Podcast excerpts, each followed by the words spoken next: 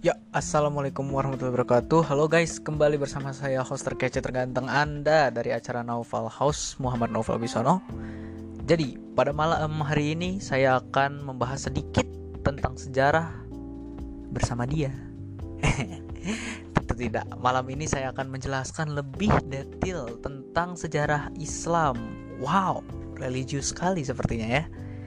Untuk lebih tepatnya adalah pertempuran Uhud Nah, gimana nih?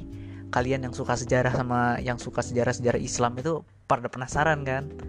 Jadi, uh, pertempuran Uhud adalah pertempuran kaum muslim melawan kaum kafir Quraisy yang terjadi pada tanggal 7 Syawal 3 Hijriah atau bisa ditanggalkan sebagai 22 Maret 625 Masehi. Waduh, udah hampir 2000 tahun yang lalu kayaknya nih. Oh, ini udah jauh banget dari peradaban kita yang sekarang. Jadi untuk awal-awal kira-kira pertempuran uh, Uhud ini terjadi itu setelah satu tahun setelah pertempuran Badar. Jadi uh, kar dikarenakan uh, satu tahun setelah pertempuran Badar itu uh, kami kaum muslim itu belum bisa untuk mengambil resource dari manusia lagi. Jadi pada perang Uhud ini kita kalah jumlah dengan 700 pasukan muslim dan juga 3000 tentara kafir. Wah, jauh banget ya. Bedanya juga 2000 2300 orang bedanya. Bahkan maupun 700 orang ini adalah ahli perang seluruhnya, mereka akan sulit untuk keluar dari situasi seperti ini. Jadi, saya akan menceritakan total dari awal sampai akhir cerita dari pertempuran Uhud. Jadi awal-awal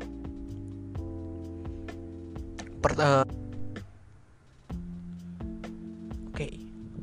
jadi uh, awal-awal Rasulullah menempatkan pasukan Islam di kaki bukit Uhud yang tepatnya itu adalah di bagian barat tentara Islam berada dalam formasi yang kompak dengan panjang front kurang lebih 10 yard sayap kanan berada di kaki bukit Uhud, sedangkan sayap kiri berada di kaki bukit Ainain dengan tinggi 40 kaki, panjang 500 kaki.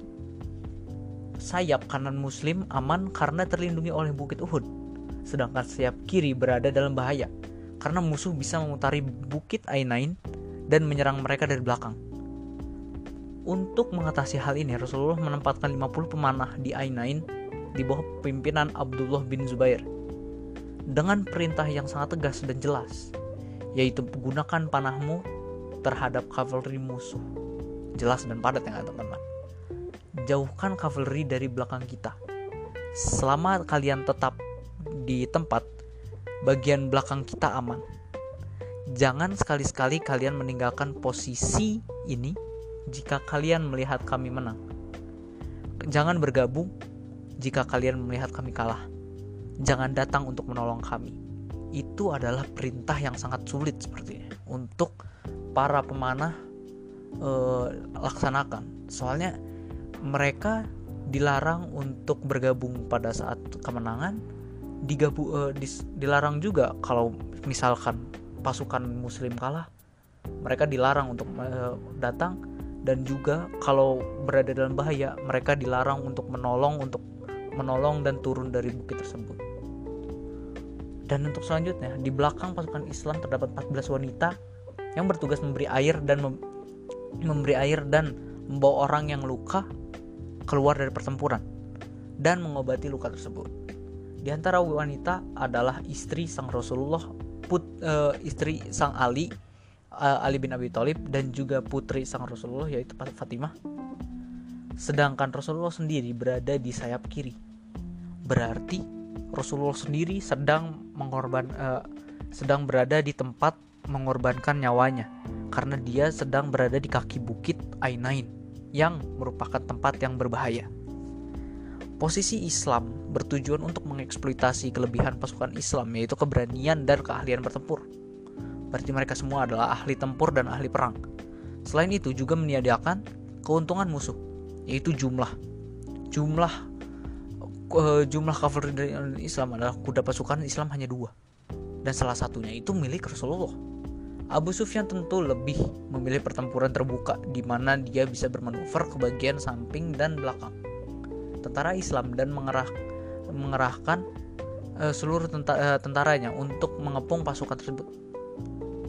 Tetapi Rasulullah menetralisir hal ini dengan memaksa Abu Sufyan bertempur di front yang terbatas di mana infanteri dan kavalerinya tidak terlalu berguna juga patut dicatat bahwa tentara Islam sebetulnya menghadap Madinah dan bagian belakangnya menghadap Bukit Uhud. Jalan ke Madinah terbuka bagi tentara kafir. Tentara Quraisy berkemah satu mil di selatan Bukit Uhud. Abu Sufyan mengelompokkan pasukan ini dengan e, menjadi infanteri di bagian tengah dan dua sayap kavaleri di samping.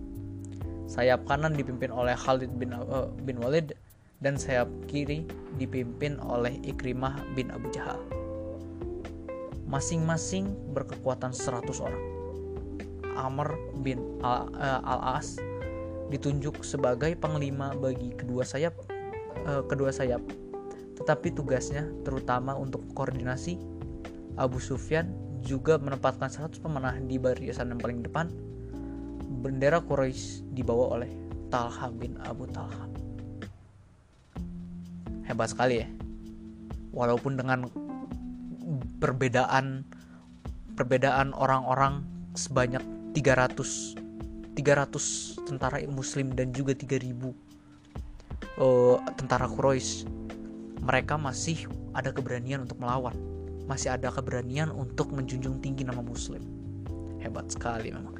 Ini adalah ini adalah pelajaran bagi kita umat muslim bahwa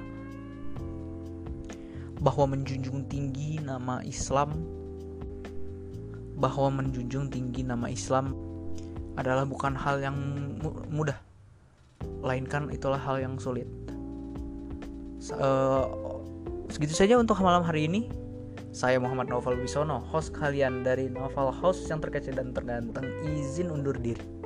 Semoga hari kalian, uh, semoga hari kalian bahagia. Assalamualaikum warahmatullahi wabarakatuh.